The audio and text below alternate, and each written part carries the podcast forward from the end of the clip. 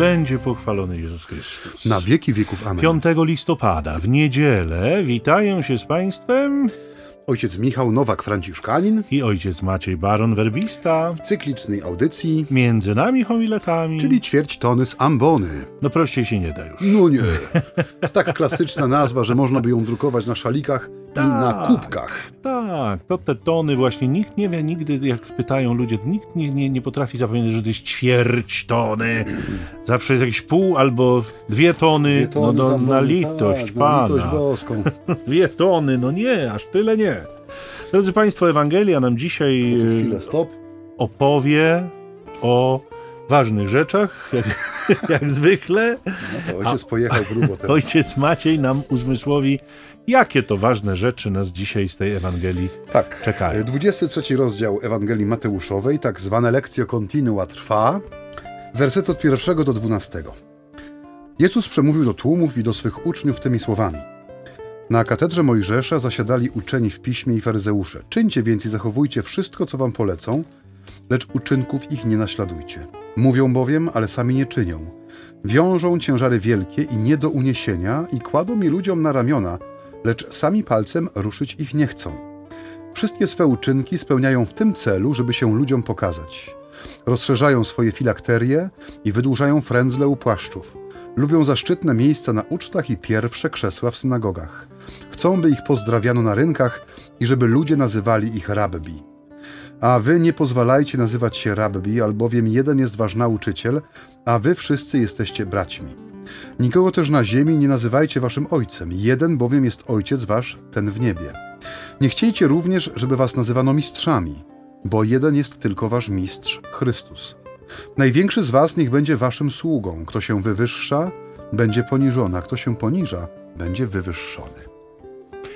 Tak, drodzy Państwo, rozpoczynając, myślę sobie, że warto, warto zadbać o to, żeby nie ubranżowić Ewangelii.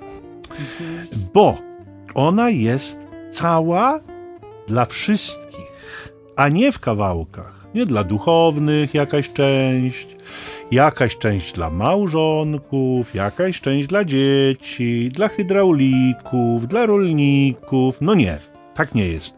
Jeżeli Jezus przestrzega przed kimś, e, to robi to wobec wszystkich i jego przestroga dotyczy postaw, nie? bo to nie, nie chodzi o personalne dotknięcie akurat faryzeuszy czy uczonych w piśmie, ale chodzi o pewną postawę, która może stać się niebezpieczna i może grozić nam wszystkim.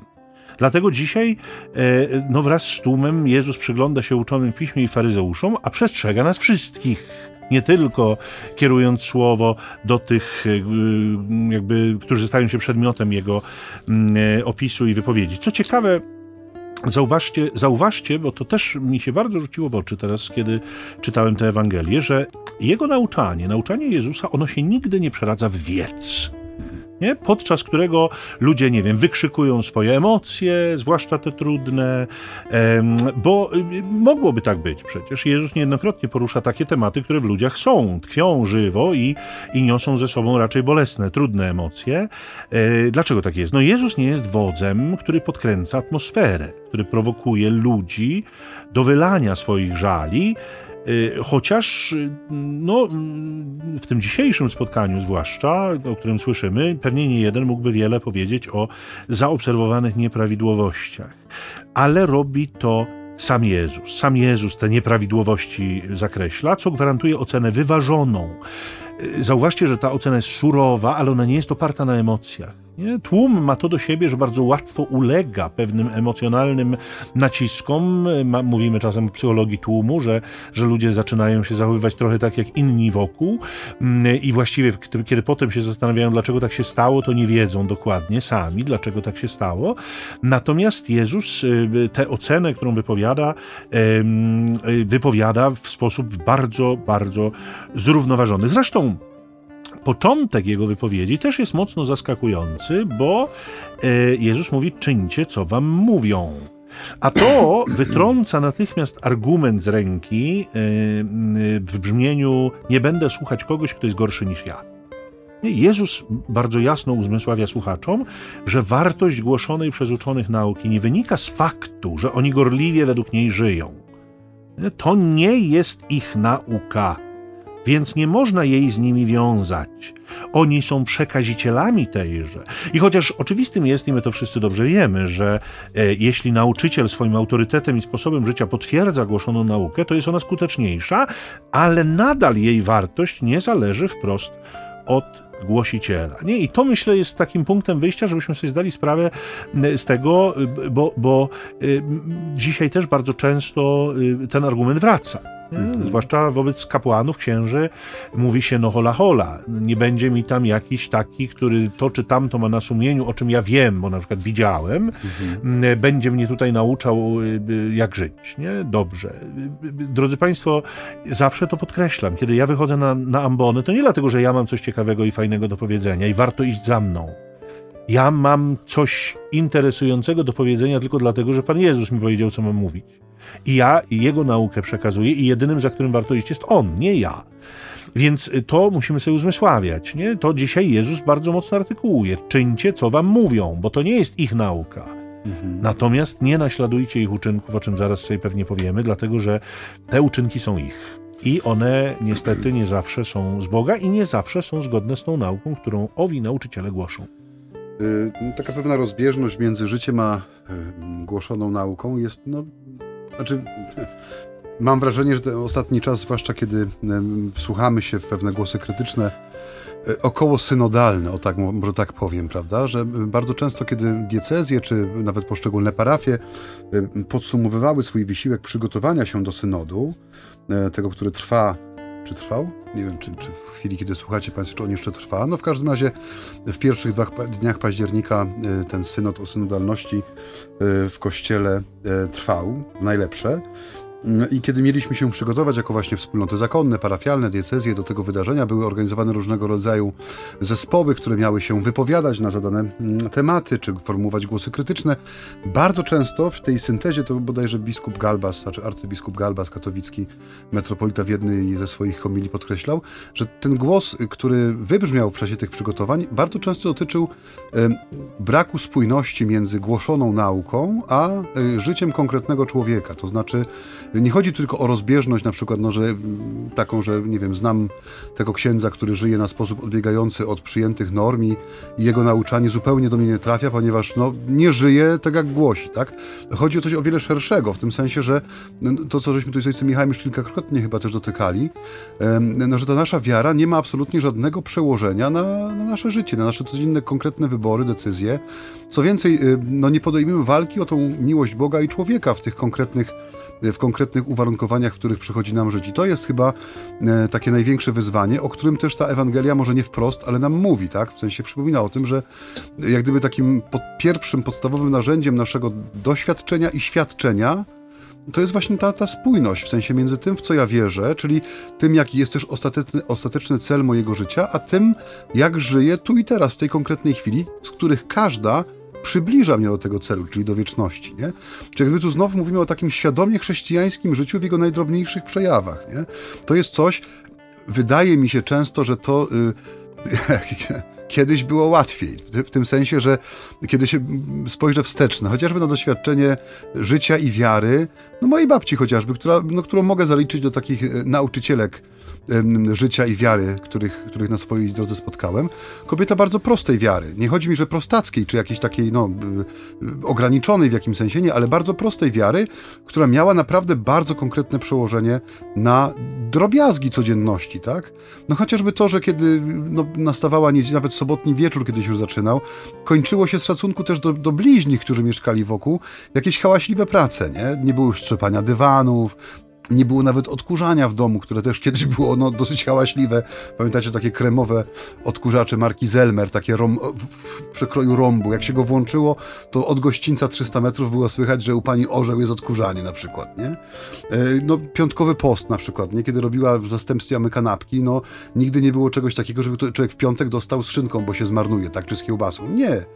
Świadomie mieliśmy ten, ten piątkowy post zachowany, chociaż w moim pokoleniu już były takie rodziny, które nie miały tego problemu tam no, wśród dzieci to jest zawsze wydarzenie z czym masz, no z szynką, z serem i tam z pomidorem, tak? No a ja mam z białym serkiem i z rzodkiewką, nie? Bo jest piątek dzisiaj. Więc y, te, te drobiazgi, codzienne drobiazgi, codzienne małe decyzje, to tam jak gdyby się obnaża, czy to, co my głosimy i to, co my czynimy, czy one, czy te dwie rzeczywistości są ze sobą wzajemnie powiązane i z siebie czerpią, nie? Jeśli nie, to właściwie wszelkie inne rzeczy tak naprawdę są takim trochę bieganiem w miejscu, nie? W sensie donikąd nas nie prowadzą. Bo jeśli ma coś się przemieszczać, to ja w kierunku wieczności, tak? Nie moje słowa, które się rozchodzą y, i po chwili nikną jak fale dźwiękowe mają w zwyczaju, nie moje piękne deklaracje, które mogą poruszyć kogoś, mogą kogoś zmotywować do dobrego, ale jeżeli nie będzie tym szedł mój osobisty przykład, to pozostaną tylko i wyłącznie w sferze jakiejś teorii, tak? Jakiejś dywagacji. Może tak, może nie, kto to wie. E, także no, ta Ewangelia dzisiejsza pod tym względem jest na pewno takim mocnym wezwaniem do rachunku sumienia nie tylko elit, w sensie nie żebyśmy rozliczali księży i episkopat, ale każdego człowieka wierzącego, także siebie przede wszystkim, rozpoczynając ode mnie. Ten rachunek sumienia powinien się dokonać. Tak. Często, nie wiem czy się ze mną zgodzisz, ale często, zwłaszcza kiedy nauka głoszona jest trudna dla słuchaczy, bardzo wymagająca, no to zaczynają się takie wycieczki personalne wobec głosiciela, po to, żeby osłabić wydźwięk tych wymagających treści. Mhm. Nie? Dlatego, że wystarczy znaleźć jakiś grzech głosiciela i już dużo łatwiej zwolnić siebie samego. Natomiast uczynki E, bierze pod uwagę sam Jezus, czyniąc z nich oddzielną naukę, o czym już przed chwilą wspominałem. Ja w seminarium pamiętam mojego wychowawcę, e, który zawsze nam powtarzał, że od każdego można się czegoś nauczyć. Tak. Od jednych jakim być należy, a od innych jakim być nie należy. I przyznam szczerze, że jestem złośliwe stworzenie i, yy, że tak powiem, z przekąsem na szóstym roku studiów, czyli na ostatnim, pytałem go, kiedy nam pokażecie wreszcie tych, od których warto się czegoś dobrego nauczyć bo niespecjalnie wam się udało. Czy ojciec skończył to seminarium z powodzeniem? Tak? to seminarium, tak jak powiadam, no, złośliwości trochę, ale takiej raczej pogodnej i życzliwej. Natomiast rzeczywiście tak czasem jest, że, że tych dobrych wzorców nam trudniej znaleźć, czy trudniej je odszukać, niż te złe, które się rzecz jasna dużo łatwiej narzucają, czy stawają nam przed oczami. Złych uczynków głosicieli nie należy naśladować i one nie mogą osłabiać prawdy przekazu. Powtarzam się, ale bardzo mi zależy na tym, żeby nam to mocno zapadło w głowę i w serce, dlatego sobie na to pozwalam. Choćby nawet te uczynki nie potwierdzały tego, co głoszą uczeni w piśmie, o których dzisiaj, dzisiaj mowa. Ten pierwszy zarzut po tym ogólnym wprowadzeniu, dotyczącym właśnie tych ogólnych zasad, dotyczy przesady. Y, mówiliśmy o tym też już tydzień temu, że to nauczanie żydowskie było bardzo restrykcyjne. Ono się domagało podległości takim rozlicznym, bardzo rozlicznym przepisom, bez brania pod uwagę możliwości słuchaczy. Te ciężary były zbyt wymagające i te ciężary były nie do uniesienia. Y, y, pamiętacie Państwo, że święty Paweł w swoich listach nazywa prawo wychowawcą. Ale ten wychowawca, zdaje się, stał się swoistym tyranem, niewrażliwym na swojego ucznia.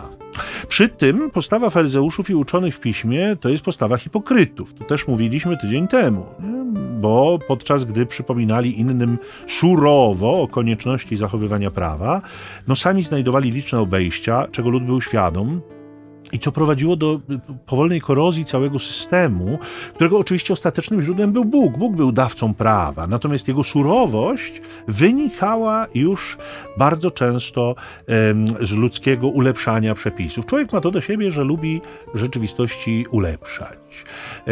I mamy takie powiedzenie zresztą, że lepsze jest wrogiem dobrego, bo niejednokrotnie te ulepszenia sprawiają, że cała koncepcja staje się jakaś karykaturalna, staje się potworna, staje się y, wręcz szkodliwa. Więc y, y, z wieloma przepisami prawa w Izraelu chyba tak się właśnie stało. Mówiłem tydzień temu czy dwa, że intencje były pewnie dobre, szlachetne, rozwój życia domagał się uregulowania pewnych kwestii. My to przeżywamy na dziś dokładnie tak samo, bo, bo mamy pewne kwestie nowe, które się pojawiają w rzeczywistości, choćby w perspektywie rozwoju technologicznego i etycznych wątpliwości, wątpliwości, które są z nim związane i muszą powstawać nowe rozwiązania prawne, także na gruncie wiary, które wskażą drogę katolikom, chociażby ludziom wierzącym, w jaki sposób oceniać taką czy inną rzeczywistość, jeśli staniemy się jej świadkami, czy też uczestnikami takiej czy innej sytuacji.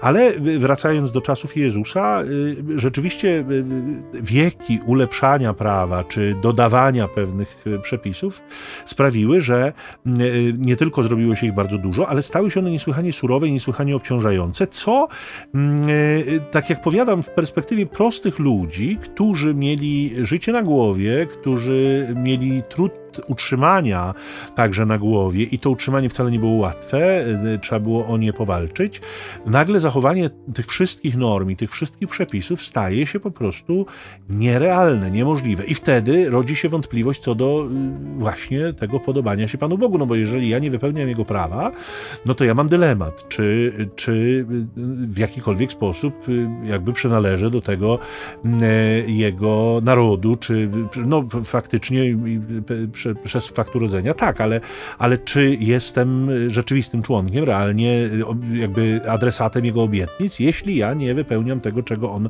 ode mnie oczekuje. Więc ta przesada, którą y, Jezus jakby pokazuje w perspektywie surowości prawa, ona jest czymś, co po raz, czy, czy, czy co jest jako pierwsze przez niego e, krytykowane, że, że nie tędy droga. Nie, nie, jakby wychowywanie przez nadmierną surowość, mhm. nadmierną, dodajmy to słowo, bo to ważne, nie? To znaczy y, y, y, mamy starożytne przysłowie dura lex sed lex, tak? tak? Czyli twarde prawo, ale prawo. Mhm. Y, prawo, y, ono w niektórych y, kwestiach rzecz jasna jest twarde, jest wymagające, jest surowe, ale nadmierna surowość jest raczej szkodliwa, bo uniemożliwia albo przynajmniej znacząco utrudnia zachowywanie tego czy innego przepisu.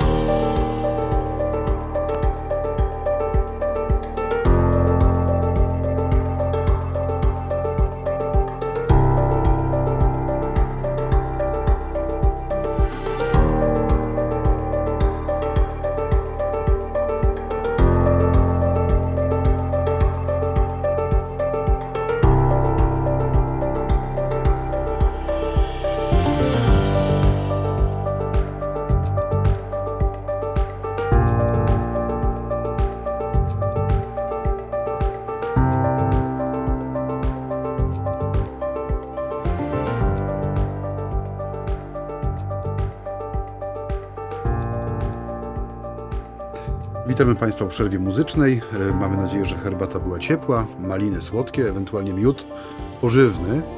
E, wracamy do naszych niedzielnych rozważań nad Ewangelią, które mamy nadzieję pomagają przejść przez kolejny tydzień Waszego życia e, z tym przeświadczeniem, że to słowo jest rzeczywiście pokarmem dla naszej duszy.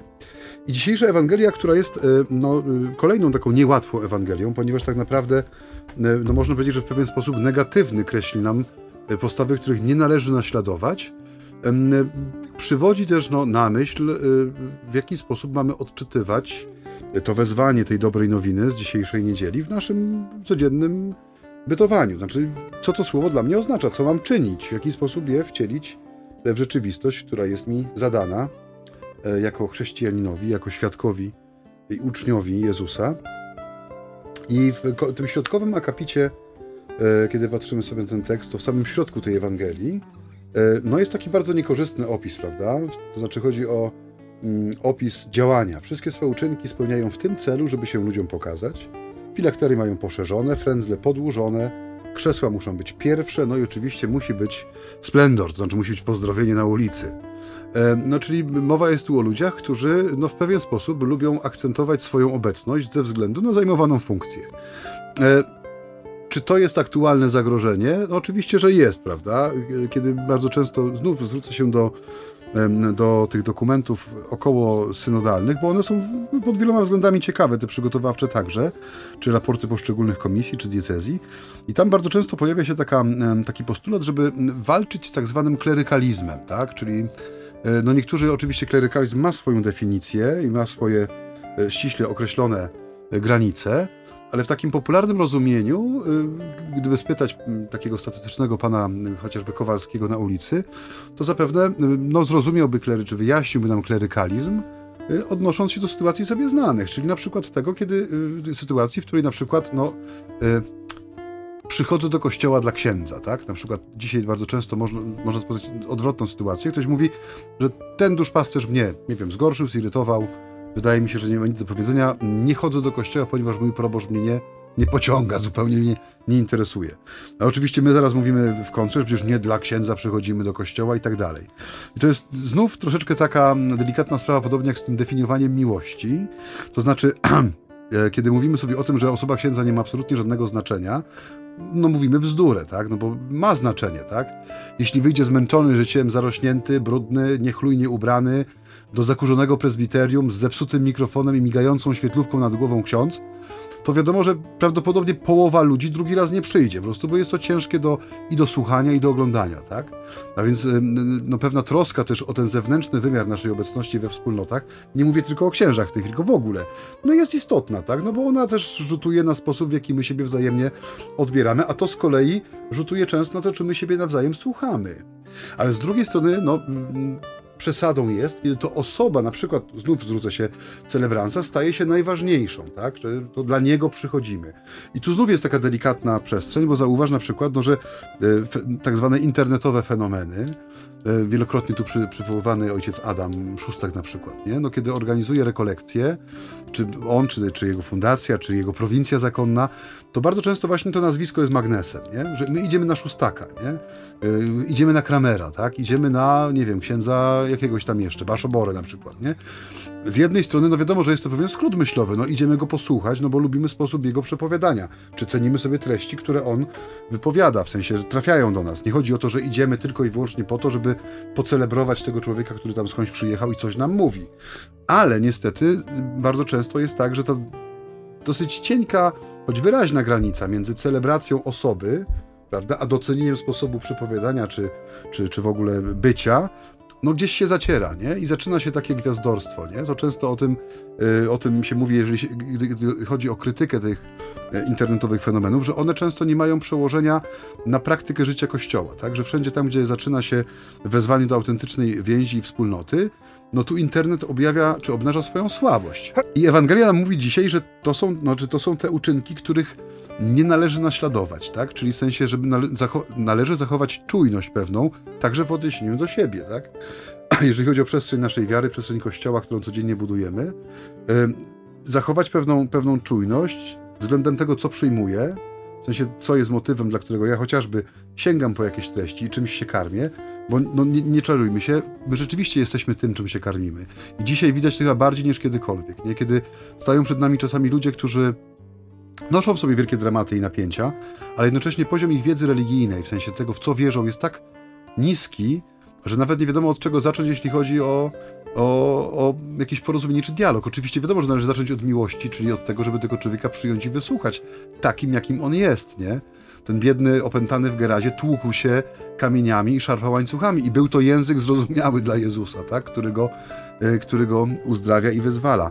Tak, i pewna słabość wirtualnego świata, w którym no, dzisiaj niestety często żyjemy, sprawia, że przenosimy wzorce zachowań na to, co y, dotyczy świata realnego. A niestety świat wirtualny bardzo często opiera się też na tym, no, co przykuwa uwagę, co podkreśla y, no, znaczenie, pozycję mówiącego.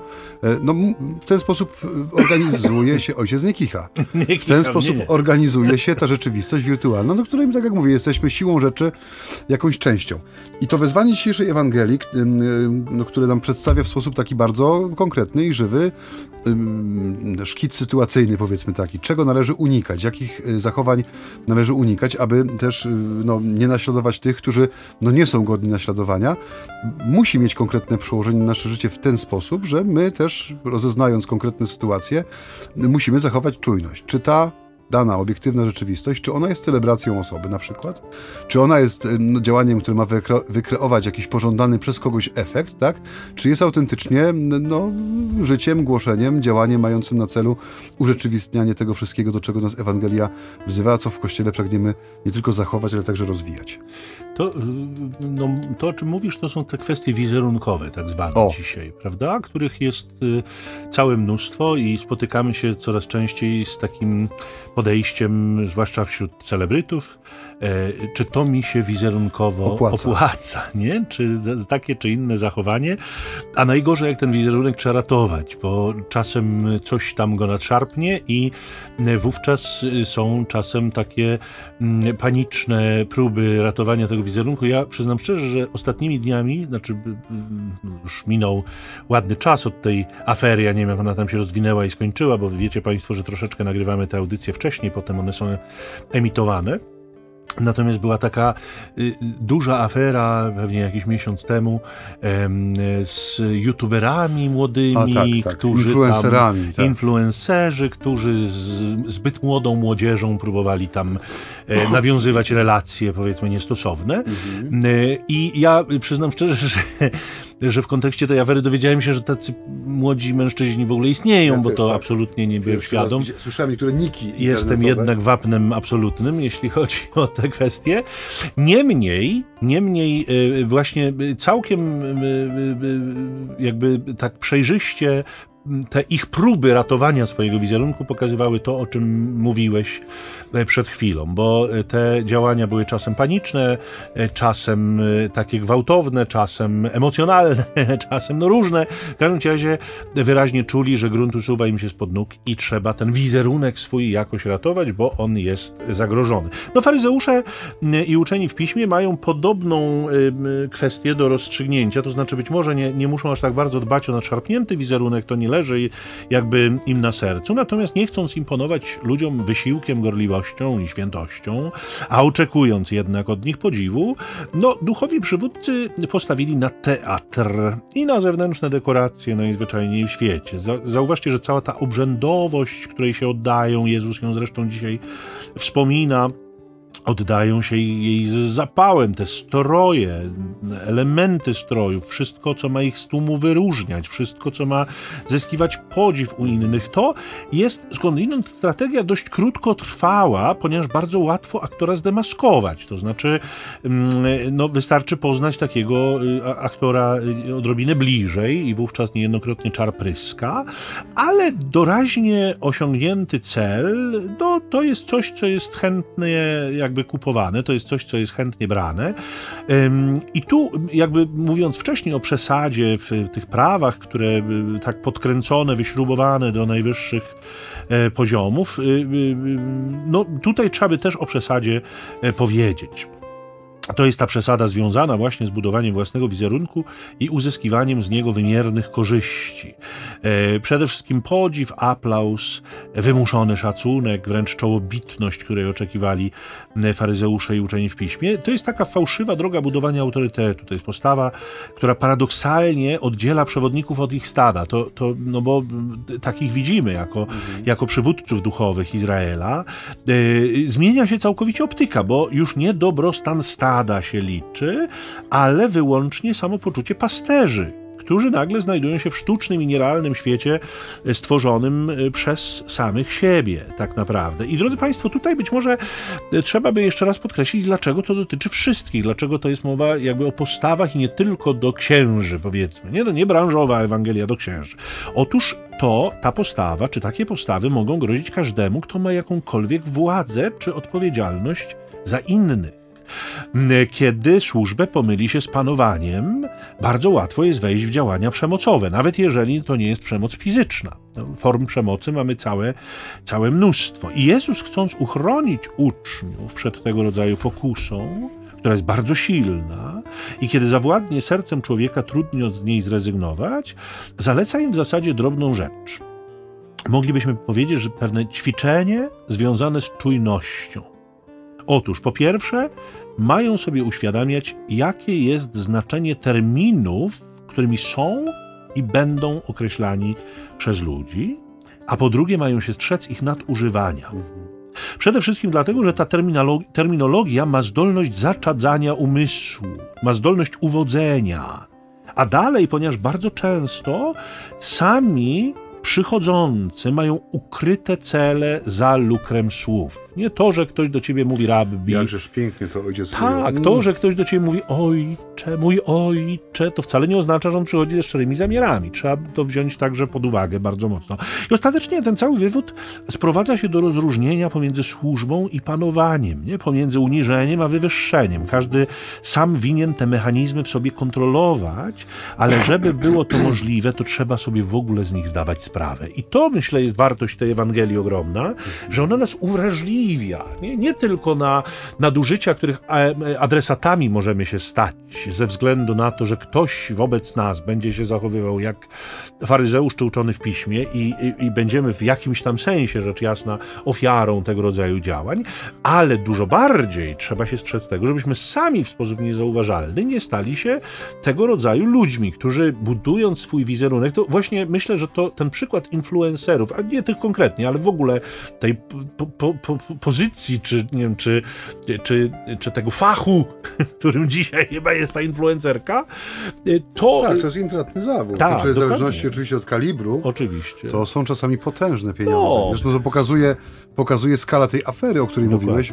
O, o, co tam chodziło? O kontrakty reklamowe, Otóż które to. nagle zaczęli tracić. Nie? To jest Otóż to.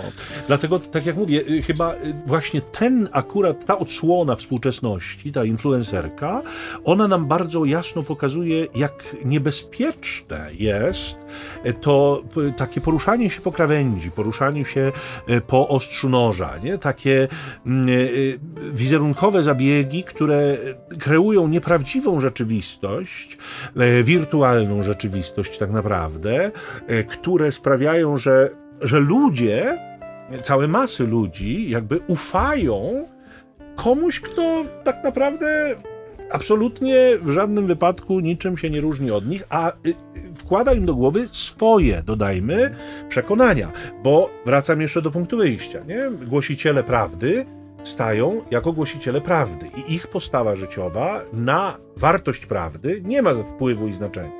Natomiast głosiciele fałszu, czy głosiciele swoich własnych przekonań, no to są ludzie, którzy muszą bardzo mocno dbać o wizerunek, ponieważ jeżeli tam jakaś rysa się pojawi, no to oni tracą wszystko. Nie? To oni są tymi, którzy rzeczywiście, tak jak mówisz, są w, w kryzysie finansowym natychmiast, no bo pewnych rzeczy ludzie nie wybaczają, a paradoksalnie to bardzo ciekawe jest, że, że my jako ludzie szukamy takich, powiedziałbym, przewodników po różnych drogach i chętnie oddajemy jakąś cząstkę naszego życia, naszego losu w ich ręce, nie do końca nawet mając świadomość, czy zdając sobie sprawę, czy interesując się z tym, tym w czyje ręce my tak naprawdę te mhm. nasze wybory oddajemy, czy czym my się tak naprawdę kierujemy, dokonując ich.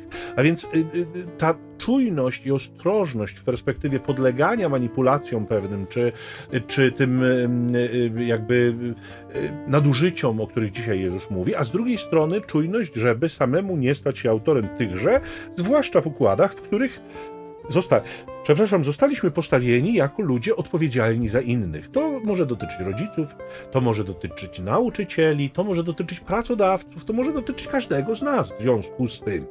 Wobec czego warto te lekcje chyba sobie przyswoić. Mhm. I ojciec już tak ładnie podsumował właściwie naszą audycję, bo powoli trzeba lądować. Powoli, tak. E, powoli, tak, bardzo powoli, ale konkretnie, konkretnie. Oczywiście, tak, tak, jak mówisz, y, jest wielkie ryzyko i zagrożenie właśnie w tym, że dzisiaj człowiek bardzo łatwo oddaje cugle powozu swego życia w cudze ręce, no, wierząc w jakieś cudowne albo remedium na wszelkie cierpienia, albo y, receptę na łatwy, szybki sukces, albo pomnożenie stanu posiadania. No różne są te, te okoliczności. Niezmiennym pozostaje jedno, że jedyną drogą, która gwarantuje nam to, że się nie zgubimy na na, na tych przestrzeniach, przez które podróżujemy, jest y, postawa, do której za, zachęca nas dzisiejsza Ewangelia, czyli takiego uważnego rozeznania i świadomego y, składania swojego życia, no właśnie w, tej, w tym dziele służby, nie, nie dążenie do władzy czy dominacji, bo to zawsze będzie ścieżka, która prędzej czy później doprowadzi nas do różnego rodzaju sytuacji trudnych, żeby nie powiedzieć dramatycznych, ale wszędzie tam, gdzie człowiek rozwija w sobie ten potencjał do miłości, która służy, no dzieje się dobro. Dzieje się dobro. A więc podsumowując, drodzy słuchacze, bo czas na podsumowanie naszych rozważań, aby się nie zgubić w tej mnogości możliwości, ofert, które współczesny świat też nam, nam składa i będzie składał i będzie ich coraz więcej, warto postawić sobie takie, taką prostą zasadę przed oczami, która jest takim owocem, żeby nie powiedzieć efektem naszych rozważań, mianowicie miłość, która służy, a nie szuka dominacji czy władzy. Znaczy postawa właściwie, która służy, a nie, a nie szuka dominacji czy władzy nad drugim człowiekiem, będzie zawsze drogą, na której człowiek odnajdzie siebie. Tam, gdzie będą dążności, które właśnie no, będą akcentowały na różny sposób pozycję, znaczenie, splendor i blask konkretnej jednostki, tam zawsze będzie pokusa, aby drugiego człowieka wykorzystać i wmanipulować go w mniejsze czy większe tarapaty. Tam, gdzie jest y, miłość, która nie boi się służyć, czyli ta miłość Ewangelii, miłość Chrystusa, tam człowiek na pewno nigdy się nie zgubi. Tam człowiek nigdy nie zejdzie z tej drogi, którą przewidział dla niego Pan i po której sam przeszedł jako nasza głowa. Także do tego zachęcamy, do tego zapraszamy, czyli tego uważnego ducha rozeznania i świadomie chrześcijańskiego życia, bo ono jest też wielką radością, w sensie to rozeznawanie konkretnych sytuacji, w których ciągle od nowa okazuje się, że oparcie się o Ewangelię y, to jest oparcie się o coś, co nie przemija, co jest faktycznie fundamentem, skałą, e, jest takim kamieniem, na którym ja się mogę oprzeć, no to daje radość, tak, że mam w swoim życiu coś, o co nie muszę się lękać, że się zmieni, że zmieni barwę, że zmieni natężenie, że zmieni kierunek. Nie, Ewangelia zawsze jest dokładnie taka sama. Ona wskazuje e, nam niezmiennie kierunek naszej drogi i czyni to w sposób nieomylny. No i wobec samych siebie i wobec wszystkich, wobec świata całego wołamy pokory, pokory, pokory. Cudnie to ojciec amen, amen, amen. To jest to. Drodzy Państwo, kończymy, lądujemy już w istocie całkowicie, kompletnie, totalnie i absolutnie, więc y, liczymy, że usłyszymy się z Wami 12 listopada, bo wtedy powinna nastąpić kolejna niedziela, chyba że paruzja będzie wcześniej i Pan powróci albo zaprosi któregoś z nas, albo was do domu i wtedy już się nie usłyszymy, przynajmniej tu na ziemi. Ale y, liczymy na to, że jednak może jeszcze Pan da nam tę łaskę i szansę. Lubimy i was, i te spotkania, i radio, i siebie nawzajem. No, jest taka pozytywna atmosfera, naprawdę. Atmosfera. Atmosfera. Więc y, życzymy Państwu dobrego dnia. Y, dziękujemy za udział w naszej audycji dzisiaj. No i jak zawsze E, niech was błogosławi, strzeże, umacnia i prowadzi wszechmogący i dobry Bóg, Ojciec i Syn i Duch Święty. Amen. Amen. Do usłyszenia. Do usłyszenia. Pokój i dobro.